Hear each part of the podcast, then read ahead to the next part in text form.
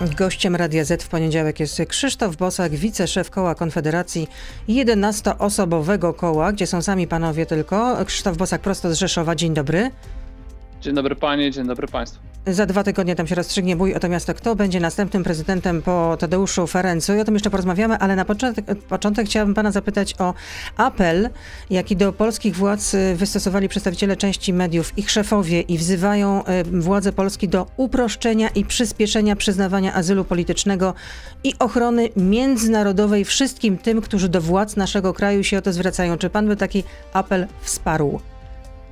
No zdecydowanie nie, dlatego że udzielenie komuś azylu, co pokazuje właśnie cała sytuacja z Białorusią, jest też e, wzięciem na siebie odpowiedzialność za takie osoby i też pewną Jeszcze deklaracją. Raz, nie arenie. poparłby pan takiego apelu? Nie, tak? Nie, nie poparłbym takiego apelu, dlatego że udzielanie na prawo i lewo azylu politycznego to jest prosta droga do tego, żeby mieć na arenie międzynarodowych y, y, więcej rywali niż jest się w stanie obsłużyć. W tej chwili widać, że poziom przygotowania naszych służb specjalnych y, w kontekście konfliktu z Białorusią jest po prostu niewystarczający. Jeżeli mielibyśmy brać na siebie większe wyzwania na arenie międzynarodowej, no to wypadałoby najpierw zmodernizować swoje wojsko, służby specjalne, pokazać skuteczność swojego państwa, a później wywijać tą przysłowiową szabelką, bo udzielanie azylu politycznego osobom, które są w swoich państwach w trudnej sytuacji, no to jest jednak, powiedziałbym, na arenie międzynarodowej sprawa dla państw silnych, a nie dla państw, które mają nieustannie problem e, same ze swoimi własnymi politykami. No ale w tym apelu Także również... uważam, że oszczędnie trzeba tym instrumentem gospodarować. I to, że w tej chwili każda sprawa indywidualnie jest rozpatrywana przez nasze e, służby dyplomatyczne, e, jest normalną procedurą we wszystkich państwach i każdy przypadek powinien być rozpatrywany indywidualnie. Żadne taśmowe udzielanie azylu politycznego nie powinno wchodzić w grę.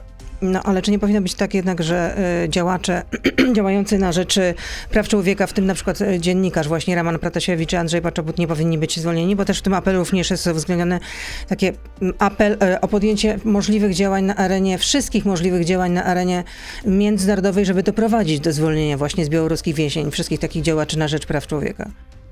No oczywiście przede wszystkim powinniśmy się troszczyć o swoich rodaków i tutaj przykład pana Poczubuta czy innych liderów polskiej społeczności e, jest, e, jest właśnie tym, o co powinno się nasze państwo starać, to znaczy w pierwszej kolejności zwolnić z więzienia liderów polskiej społeczności. Powinniśmy się starać o Polaków w pierwszej kolejności. Jest smutnym e, przykładem to, co się dzieje w ostatnich tygodniach, że jeżeli polscy liderzy na Białorusi są uwięzieni, być może są bici, być może są zastraszani, to nikogo w Unii Europejskiej to nie obchodzi. Natomiast jeżeli lider jednego z tych kanałów e, internetowych, przez które były e, informowane e, protesty, jest uwięziony, to nagle wszyscy politycy europejscy się wypowiadają. Powinniśmy cenić przede wszystkim właśnie tutaj sprawy naszych rodaków i to, to mi się wydaje oczywiste. Natomiast przypomnę, że pan Poczobut nigdy nie starał się o to, żeby do Polski uciekać. Chciał zawsze działać na Białorusi i tam działał odważnie, za co w tej chwili płaci cenę. No, ale czy jednak nie powinniśmy pomagać? jak najbardziej swoim rodakom Solidarność. Czy, czy, skoro pan nie popiera takiego apelu, to w takim razie, czy to nie byłoby jednak chowanie trochę głowy w piasek? Czy nie powinniśmy pomagać tym, którzy są prześladowani przez reżim e, e, Aleksandra Łukaszenki? Każdy przypadek powinien być rozpatrywany indywidualnie, natomiast e, robienie takich apeli, żeby automa automatyzować jakąś procedurę, szczególnie dotyczącą tak delikatnych kwestii jak e, azyl polityczny, to prosta droga do nadużyć, czego świadectwem był kryzys migracyjny kilka lat temu, e, kiedy no, sam byłem na granicy węgierskiej i widziałem, e, że jako uchodźcy z Bliskiego Wschodu przedstawiali się na przykład grupy mężczyzn z Pakistanu. E, no więc bądźmy tutaj roztropni, jeżeli chodzi o gospodarowanie instrumentami, które dysponuje nasze państwo.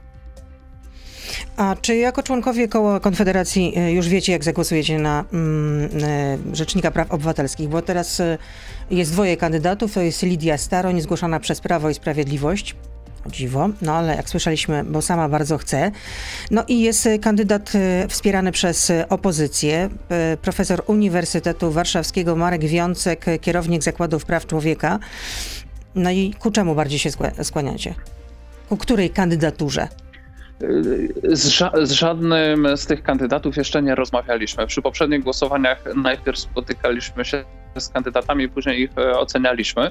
E, w tym wypadku chcemy postąpić podobnie, to znaczy Czyli albo być co najmniej nasi e, posłowie, języczkiem uwagi do ostatniej chwili, tak? Bo od waszych głosów jednak no, będzie zależał los. Pani redaktor wygląda, że nie tylko chcemy, ale że jesteśmy w tej sytuacji. Podobnie jak inni posłowie. Głos każdego posła waży tyle samo. Natomiast sytuacja rzeczywiście ukształtowała się w ten sposób, że ta większość się waży. Dlatego tym bardziej odpowiedzialnie chcemy podejść do swojego głosu i do swojej decyzji i najpierw rozmawiać z kandydatami. Być może będziemy proponować debatę pomiędzy nimi albo po prostu próbować się z nimi spotkać i mm, później podejmować decyzje. Nie w odwrotnej kolejności. No ale jak idą negocjacje z ludowcami, bo ponoć mają was przekonywać jednak do tej kandydatury profesora Wiącka, profesora Uniwersytetu Warszawskiego, że Władysław Kośniak-Kamysz, prezes PSL-u, ma rozmawiać z korwinistami, Marek Sawicki z Grzegorzem Braunem, no a Piotr Zgorzelski z narodowcami. Czyli rozumiem, że też między innymi z panem. To są jakieś ploty. To są jakieś ploty. Natomiast nas politycy innych partii do niczego absolutnie przekonywać nie muszą i zresztą nie byliby w stanie. Jeżeli głosujemy na konkretnych kandydatów do Urzędu Państwowego, to jedyne, co może nas przekonać, to postawa i cechy tych właśnie kandydatów. A nie bardzo rozumiem, czym na przykład politycy celu mieliby przekonywać naszych posłów. No, y, gdybyśmy byli zainteresowani jakimiś względami polityków PSL-u, to może byśmy się do tej partii zapisali, ale tworzymy konfederację, dlatego tego, że nam y, inne partie, ich oferta, ich styl działania się nie podoba. Jesteśmy alternatywą dla tych partii. A czy Prawo i Sprawiedliwość chce wybrać na pewno Rzecznika Praw Obywatelskich, czy jednak y, wskazuje takich kandydatów, co do których można sądzić, że mo mogą być problemy z poparciem y, w, w Senacie co najmniej i być może Prawo i Sprawiedliwości chodzi o to, żeby po 15 lipca nie było RPO, żeby po prostu tylko y, marszałek y, Sejmu Elżbieta Witek ustanowiło y, pełniącego obowiązki rzecznika. Czy to nie o to chodzi? Wydaje mi się, że takiej woli wybrania kandydata jakkolwiek kompromisowego dotychczas nie było. Gdyby taka wola była, to byłby przedstawiony taki kandydat. Dotychczas byli przedstawiani wyłącznie kandydaci partyjni. Natomiast e, z drugiej strony muszę powiedzieć, że sądzę, że gdyby PiS przedstawił nawet kandydata niezwiązanego ściśle ze sobą, nie swojego posła, to i tak e, większość senacka znalazłaby jakiś powód, żeby taką kandydaturę odrzucić, bo tutaj jest taki resentyment obustronny. E, wydaje mi się, że mamy na scenie politycznej i grupę skupioną wokół Jarosława Kaczyńskiego i grupę skupioną wokół Koalicji Obywatelskiej, które to dwie grupy serdecznie siebie nie znoszą i zrobią wszystko, żeby pokazać, że to ci drudzy nie mają racji.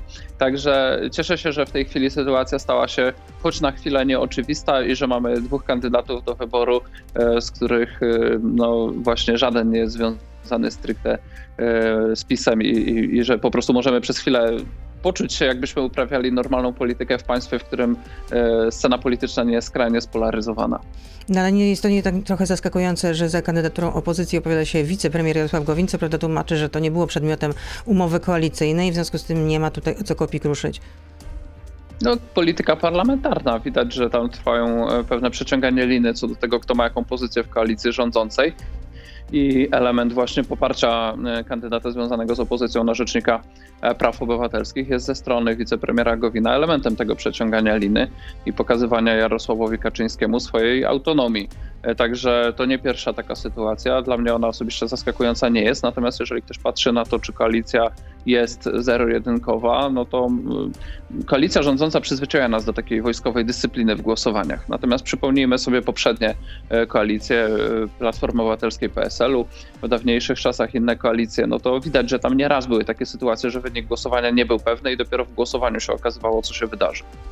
No to tyle w części radiowej. Krzysztof Bosak bardzo tajemniczy nie będzie nam zdradzał, za, za kim zagłosuje Konfederacja. Być może tak jak w przypadku głosowania w poprzednich rozdaniach, że Konfederaci się dzielili po prostu. Część głosowała Postaramy za takim kandydatem, część za kandydatem opozycji, część się wstrzymywała, tak jak Krzysztof Bosak.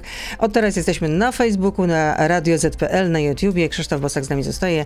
Dziękuję, Beata Lubecka, pozdrawiam. zapraszam.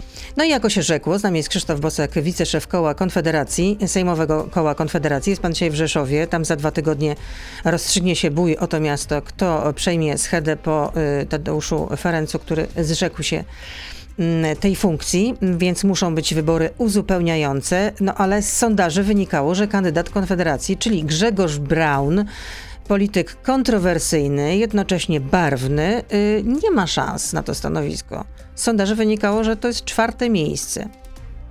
Gdybyśmy się, pani redaktor, przejmowali sondażami, to Konfederacja pewnie by nigdy nie powstała i byśmy zapisali się e, do istniejących dotychczas partii politycznych. E, moim zdaniem przy wyborach samorządowych jednak dynamika polityki lokalnej jest w pewnym stopniu nieprzewidywalna. E, kilka punktów procentowych zmiany może zdecydować o tym, kto wejdzie do drugiej tury i walczymy o te punkty procentowe. Po to dzisiaj, właściwie wczoraj wieczorem przyjechałem do Rzeszowa, żeby właśnie dziś, jutro angażować się w kampanię, wspierać Grzegorza Brauna i i walczyć o jak najlepszy wynik, wejście do drugiej tury i o zwycięstwo, bo Grzegorz Braun jest kandydatem, który jest alternatywą dla dotychczas rządzących w mieście układów politycznych. No, w wyborach do, do Sejmu zdobył rzeczywiście nie najgorszy wynik, ale znowu nie aż tak rewelacyjny, bo to było ponad 31 tysięcy głosów. E, no i wcześniej pamiętam też, że. Życzyłbym Grzegorz... wielu posłom takich wyników. Sobie też. No, ja na swój wynik narzekać nie mogę, też był wysoki, natomiast, natomiast wielu posłów wchodzi do Sejmu z wynikami o rząd wielkości niższymi. No dobrze, ale wcześniej też Grzegorz Braun ubiegał się o prezydenturę Gdańska, teraz prezydenturę Rzeszowa. To jest po prostu aż tak bardzo elastyczny? jest po prostu bardzo pracowity kandydat.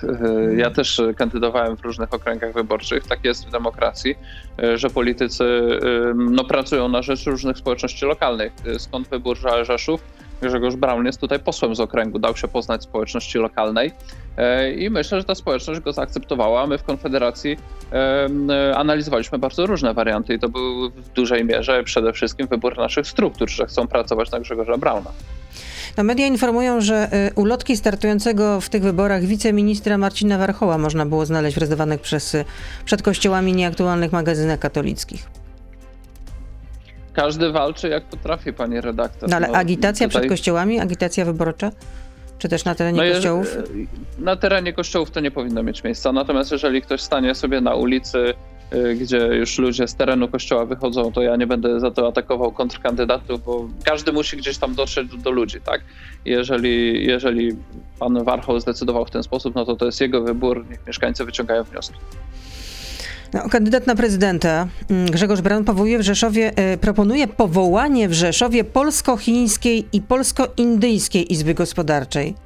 To rzeczywiście są takie najpilniejsze potrzeby. Czemu miałoby to służyć? Że akurat polsko-chińska Izba Gospodarcza ja myślę, że chodzi o miejsca pracy i o to, żeby budować jakieś powiązania kapitałowe, czy handlowe, czy produkcyjne z bardzo dużymi rynkami, bardzo dynamicznie się rozwijającymi, które są nieoczywiste z perspektywy Podkarpacia.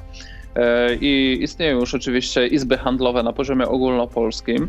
E, istnieją też lokalne targi handlowe czy gospodarcze, konferencje w Rzeszowie. I myślę, że to jest jakby logiczny następny krok. I to nie tylko dla Rzeszowa, ale dla wielu polskich E, regionów. Dla przykładu w mojej rodzinnej Zielonej Górze jeden z pracodawców jest związany właśnie z kapitałem z Indii, firma e, zaangażowana w wysokie technologie, także to jest realna szansa na konkretne miejsca pracy i na rozwój gospodarczy i mm, żyjemy w zglobalizowanym świecie, dlatego najbardziej egzotycznego kierunku nie należy odrzucać, tylko należy sprawdzać, czy jest po prostu jakiś biznes do zrobienia.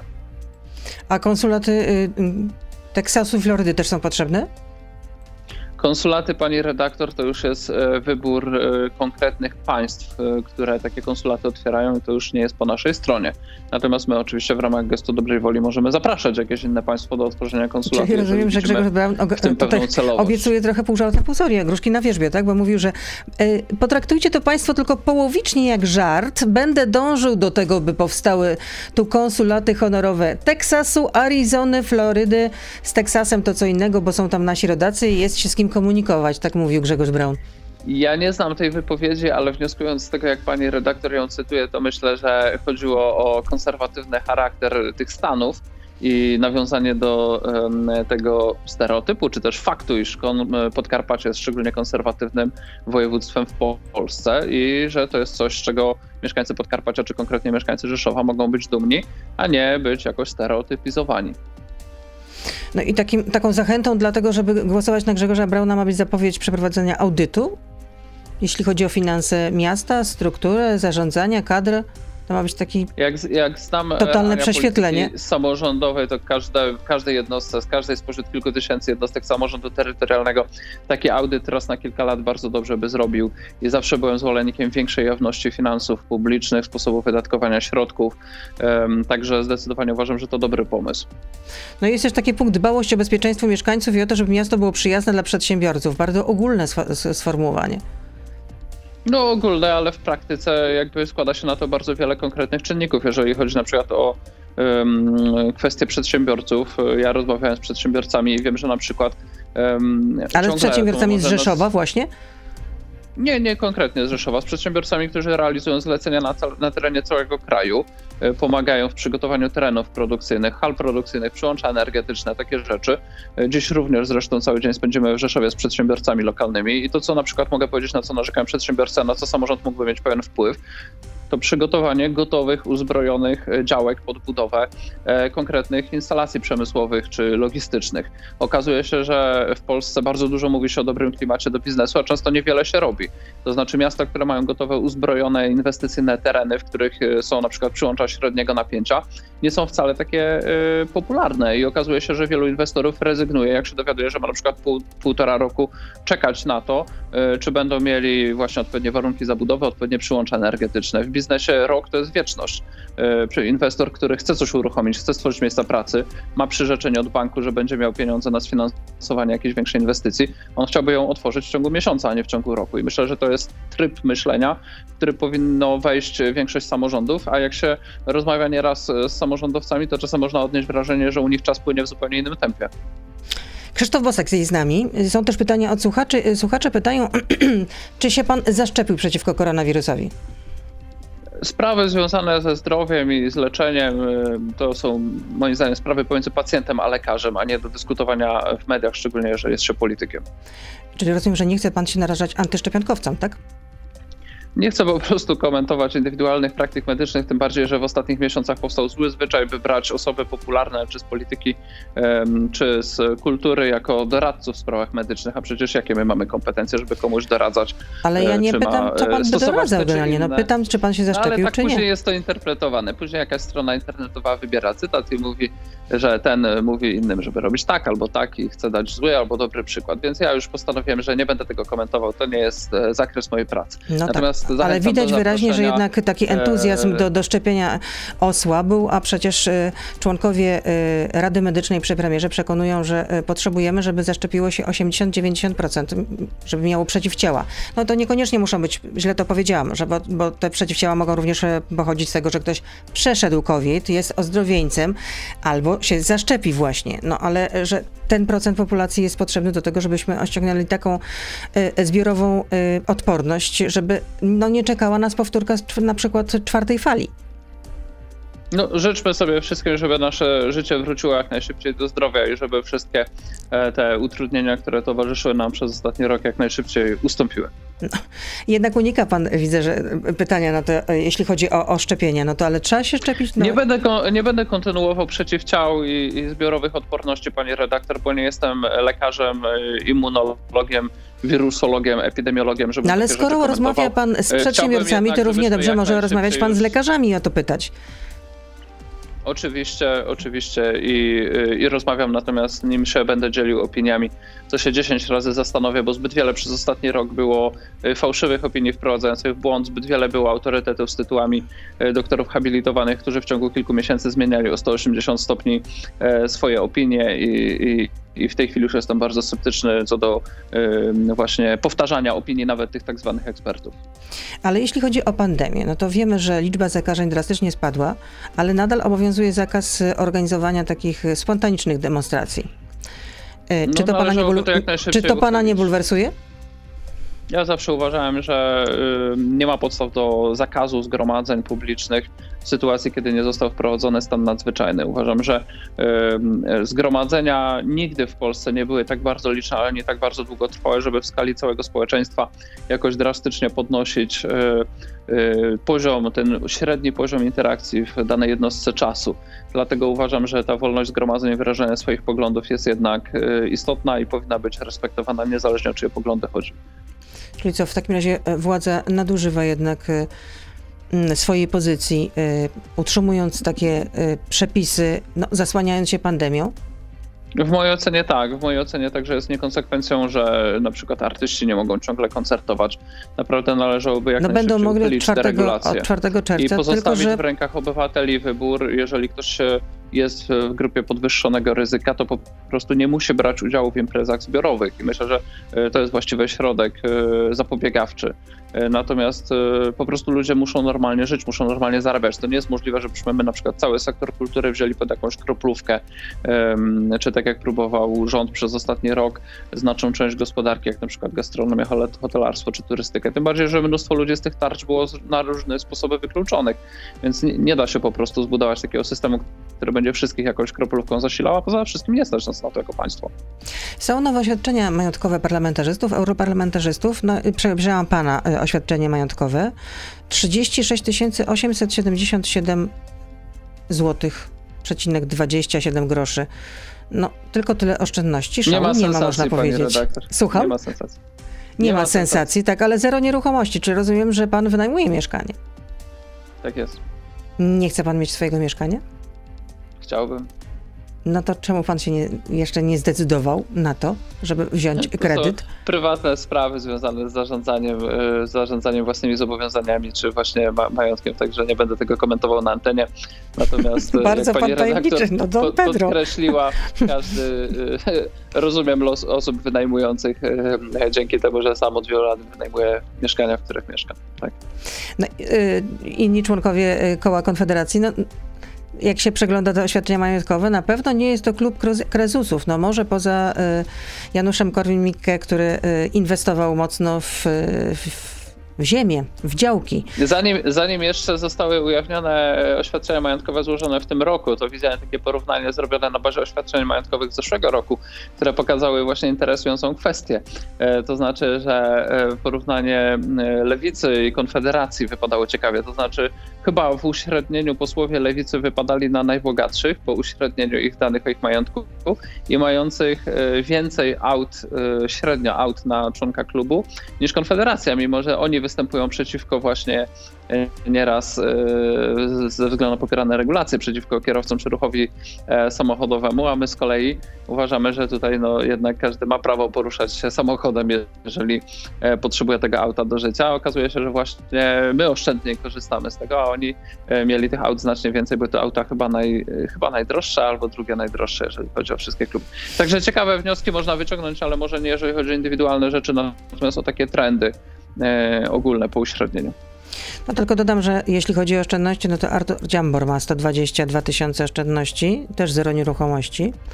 I, I Dobromir Sośnierz ma 350 tysięcy oszczędności i też 35 tysięcy euro. No, przypomnijmy, no. że Dobromir Sośnierz był w Europarlamencie, tam się tak. dobrze zarabia. Tak, tak. Europejska bardzo, tak, bardzo ostatnio też na, zarobki europosłów właśnie wzbudzały pewne y, zamieszanie.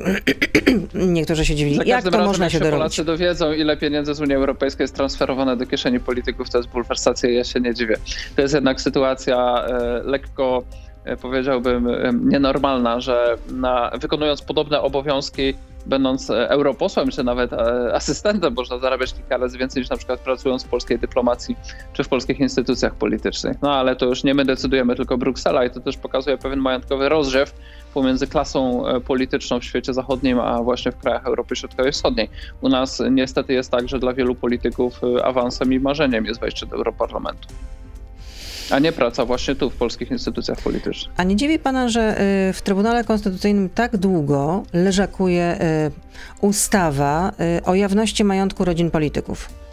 Prezydent skierował ją w październiku 2019 roku, przepraszam. Mamy końcówkę maja 2021 i ani widu, ani słychu.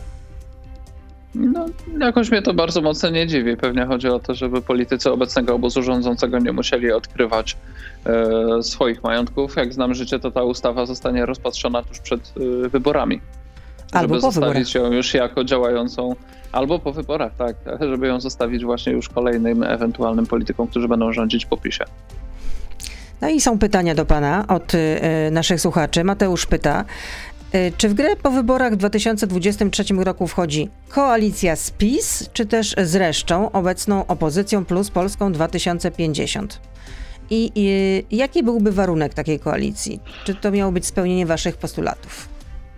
My w tej chwili jesteśmy skupieni na budowaniu poparcia Konfederacji i nie jest moją rolą jako e, jednego z liderów Konfederacji, aby w tej chwili wskazywać jakiekolwiek e, kierunki mm, prowadzenia rozmów po ewentualnych wyborach, kiedy będą się formować nowe koalicje, dlatego że takie wskazania byłyby oczywiście odczytywane jako rodzaj poparcia dla jakiejś innej partii niż Konfederacja, czy wskazania, że któraś tutaj nam bardziej pasuje, a nam szczerze powiedziawszy żadna z innych partii nie pasuje. Gdyby nam pasowała, to byśmy się pewnie do niej zapisali. I tak naprawdę wszelkiego rodzaju koalicje w polityce parlamentarnej dla każdej partii Czyli są swego rodzaju złem koniecznym. Zosia Samosia.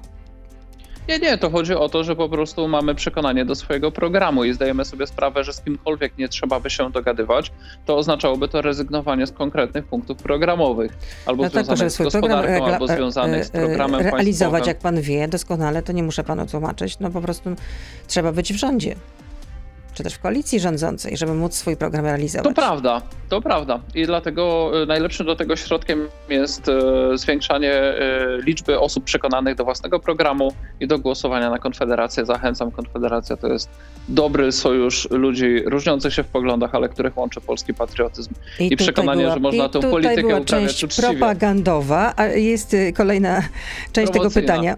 Kolejna część tego pytania. Co ze spółkami Skarbu Państwa? Co zrobić, żeby wasze rodziny tam nie pracowały? Pracowały. Znaczy, no nie rozumiem, że wasze, no ale rozumiem, że chodzi o rodziny polityków. Część jak postawić temu, jak postawić temu tamę? Część spółek można by sprywatyzować, wówczas inwestorzy indywidualnie się będą takimi kwestiami martwić. E, te strategiczne powinny pozostać własnością Skarbu Państwa i powinny być do nich prowadzone normalne konkursy. E, być może też należy zredukować e, liczebność zarządów, rad nadzorczych, y, zastanowić się, czy rzeczywiście tam trzeba do spółek zależnych nominować aż tyle osób. Moim zdaniem te zarządy często są sztucznie rozmnażane i moim zdaniem politycy rządzącej koalicji powinni trzymać nad tym pewną kontrolę. E, jeżeli nie trzeba by nominować tam setek czy tysięcy osób, to oczywiście byłoby też mniej tego rodzaju wtop, że trafiają tam nie ludzie kompetentni, tylko polecani przez działaczy partyjnych. Bronisław pyta, jak panu idzie zbieranie podpisów pod referendum w sprawie wyjścia Polski z Unii Europejskiej? Czy dalej jest pan zwolennikiem wychodzenia Polski z Unii, czy zmienił pan zdanie w tej sprawie? Nigdy takich e, podpisów nie zbierałem, nie wiem skąd ta informacja. E, byłem też przeciwnikiem wchodzenia Polski do Unii Europejskiej, natomiast od kiedy w Unii Europejskiej jesteśmy, pamiętamy, pamiętamy. to takiego, e, takiego hasła, to już kilkanaście lat minęło, Ale ja to takiego pamiętam. hasła, żeby, żeby dokonywać polexitu, nie rzucałem i zawsze mówiłem w ten sposób, że to jest trochę tak jak z Wielką Brytanią. Jeżeli nasze społeczeństwo zniecierpliwi się pewnymi zachowaniami, politykami Brukseli tak mocno, że będzie chciało Unię Europejską opuścić, znaczy nie wyobrażasz sobie, żeby opuszczać Unię wbrew społeczeństwu. Musi być poparcie społeczne dla takiej operacji, jeżeli mamy to rozważać. To, co w tej chwili politycy mogą zrobić, to ewentualnie e, trzymać jakiś zespół negocjacyjny, który byłby w stanie e, rozmawiać o warunkach współpracy z jednolitym rynkiem unijnym w sytuacji, gdybyśmy się znaleźli w sytuacji negocjacji, w jakich byli Brytyjczycy. Natomiast poparcia społecznego nie ma i tutaj e, póki te nastroje w jakiś sposób znaczący się nie zmienią, to właściwie nie ma o czym rozmawiać. To jest dyskusja równie teoretyczna, Rozumiem. co o powrocie monarchii. Jałowa. Michał pyta, a ile jest gwiazd na fladze Unii Europejskiej? Chyba ze 12. Nie pamiętam, nie zastanawiam się nad tym. 12, 12. y, y, nie jestem pewien, czy ma to jakieś istotne znaczenie, choć wiem, że różne teorie krążą na temat tego. Ron pyta, jaki program Konfederacja przedstawi 4 lipca? Dobry, dobry i konkretny. O, to dopiero propaganda. Dobry. No nie mogę zdradzać wcześniej e, naszych postulatów, jeżeli ma to być pewna niespodzianka. Ale czy to będzie program e, pokowidowy, czy e, program Konfederacji? Powrót do, powrót do normalności życia społecznego właśnie po pandemii, epidemii. E, Gabriel. Jeden z założycieli Unii Europejskiej mówił, że państwa europejskie mają wybór: albo będą same i zostaną złamane jak jedna strzała przez mocarstwa, albo będą razem jak kilkadziesiąt strzał, których tak łatwo nie złamać. Czy wyjście z Unii oznaczałoby bycie taką strzałą w rękach Rosji? Nie, nie. Oczywiście. Y, nie wyobrażam sobie polityki państwa polskiego bez e, wieloaspektowej współpracy z innymi państwami unijnymi. Unia Europejska jest tylko jednym z organizmów, który tą współpracę organizuje. Poza tym mamy NATO, mamy Radę Europy, mamy różne porozumienia sektorowe, na przykład dotyczące ruchu, jak Schengen i tak dalej, i tak dalej. I ja y, to muszę powiedzieć wyraźnie, bo część osób odbiera, jeżeli ktoś jest krytyczny wobec Brukseli, że jest zwolennikiem autarki. Ja jestem, albo w ogóle jakichś innych kierunków geopolitycznych, na przykład współpracy z Rosją. Ja zawsze byłem zwolennikiem współpracy z państwami państwami zachodnimi, w szczególności gospodarczej, także obronnej, z kulturową, czy jeżeli chodzi o ujednolicanie prawa, jest dużo trudniej, bo mamy różne systemy prawne, różne wartości, różne tradycje. Więc ja uważam, że Unia Europejska zawsze, znaczy Unia Europejska, współpraca europejska zawsze musi być balansem pomiędzy zachowaniem autonomii w różnych sprawach i pomiędzy y, budowaniem nici współpracy.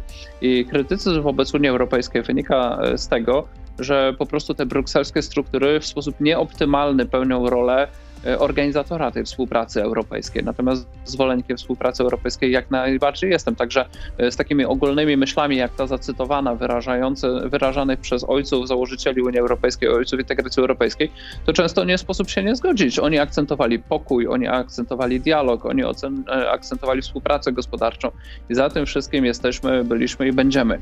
Pytanie, czy biurokracja stworzona w Brukseli dobrze temu sprzyja i czy nadmiar centralizmu nie zabija zdrowej, wieloaspektowej współpracy gospodarczej czy kulturalnej. Moim zdaniem niestety szkodzi jej, zabija, no ale mamy scenę polityczną przesuniętą w całej Europie w lewo i niestety większość osób tego nie widzi, e, tylko po prostu bierze sobie w koszty te, te, ten cały centralizm lewicujący z Brukseli. Czy Ruch Narodowy już się zdecydował, ile ma wynosić podatek od nieruchomości, bo to macie w programie? Nie, nie ma takiej decyzji i nie podnosimy takiego postulatu. Mm, czyli temat niewygodny jednak. Nie chodzi o to, że niewygodny. To jest program z 2016 roku. Już nieaktualny. Przypomnę, że od 2019 roku tworzymy Konfederację. Jednym z naszych istotnych, e, szczególnie od kiedy rządzi PiS, haseł jest to, żeby nie wprowadzać nowych podatków i ich nie podnosić.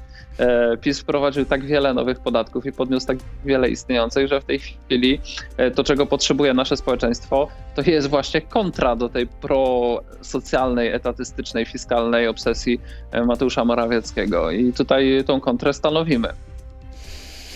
Mnichu pyta, czy jeżeli Konfederacja zdobędzie władzę, to czy dojdzie do rozliczenia członków rządu Prawa i Sprawiedliwości za nielegalny lockdown i w jaki sposób to rozliczenie będzie wyglądać? Bardzo trudno jest rozliczać polityków w państwie Pytanie, czy on był nielegalny? No jak politycy na coś ustanowią sobie ustawę, to już to się staje prawem i przypomnę, że te lockdowny były wprowadzane ustawami. Więc y, tu rzeczywiście jest duża kontrowersja. Natomiast zawsze można próbować badać, czy politycy, y, wykonując na przykład politycy obozu rządzącego będący w rządzie, nie przekroczyli swoich kompetencji, nie działali właśnie w sposób wykraczający poza materię ustawy. I myślę, że warto będzie to wszystko zbadać, bo te ustawy covidowe były mocno nieprecyzyjne, pisane na kolanie. I tak jak y, funkcjonariusze z czasu PRL skazuje się czasem przed sądami i ściga za złamanie prawa PRL, które wiemy, że było państwem dyktatorskim, łamiącym wolności stosującym przemoc, a ale miało jakieś prawo. I można rozliczać, że ktoś złamał prawo PRL, więc popełnił przestępstwo. Tak samo być może e, funkcjonariuszy rządu PiS będzie można pociągać do odpowiedzialności za złamanie swojego własnego prawa, które stanowili na, kolanie i okaże się, że gdzieś w których punktach się pogubili. Natomiast jeżeli chodzi o ogólne kierunki polityki państwowej przekształcone w ustawy, no to kiedy nie ma rażącej sprzeczności z konstytucją, a kto by miał to ocenić, prawda, Trybunał Konstytucyjny obecny raczej nie stwierdzi, to wtedy po prostu nie ma ruchu. I to jest jedna właśnie z wad demokracji, że politycy, którzy odchodzą z władzy, są właściwie w dużej mierze bezkarni. No, jedyna kara w demokracji największa to odsunięcie kogoś od władzy i infamia. Tutaj jakoś tak pan po, po, powątpiewał w bezstronność Trybunału Konstytucyjnego? Czy mi się wydawało? No trochę powątpiewam. A co pan sądzi w wypowiedziach Dobromira Sośnierza, że należałoby ograniczyć karanie kierowców na przykład za mm, przekroczenie dozwolonej prędkości, jeśli kierowca nie spowodował tym wypadku? No, ja to bym wolał, żeby zostały po prostu racjonalnie dobrane ograniczenia prędkości, bo jest w tej chwili taka tendencja, że um, czasem zbyt często stawia się te e, znaki. Nie chodzi o to nawet do jakiej prędkości jest to ograniczone, ale jeżeli na przykład mamy w Warszawie taki odcinek trasy Łazienkowskiej, gdzie na odcinku chyba z kilometra ograniczenia zmieniają się z pięć razy może nawet więcej, to może nawet jest krótszy odcinek. Podzielność uwagi kierowcy, który jedzie y, drogą, która ma wiele pasów, ludzie się mijają, jest jednak ograniczona i moim zdaniem po prostu czasem tych ograniczeń jest wprowadzone za dużo. Lepiej, żeby to było ograniczenie na stałym poziomie przez dłuższy czas, niż że się co chwilę zmienia. To jest jedna sprawa i druga sprawa, no to w niektórych miejscach te ograniczenia są po prostu y, na siłę obniżane. Na Ale odszedł, czy, czy to jednak pomysł pana kolegi jednak nie jest trochę księżycowy? No wydaje mi się, że jeżeli by jakby uchylić e, możliwość karania za przekroczenie ograniczenia prędkości, to no już by nie miało żadnego sensu, tak? To równie dobrze można by zdjąć te znaki i chyba byłby to rozsądniejszy pomysł. Czyli pan się nie zgadza ze swoim kolegą?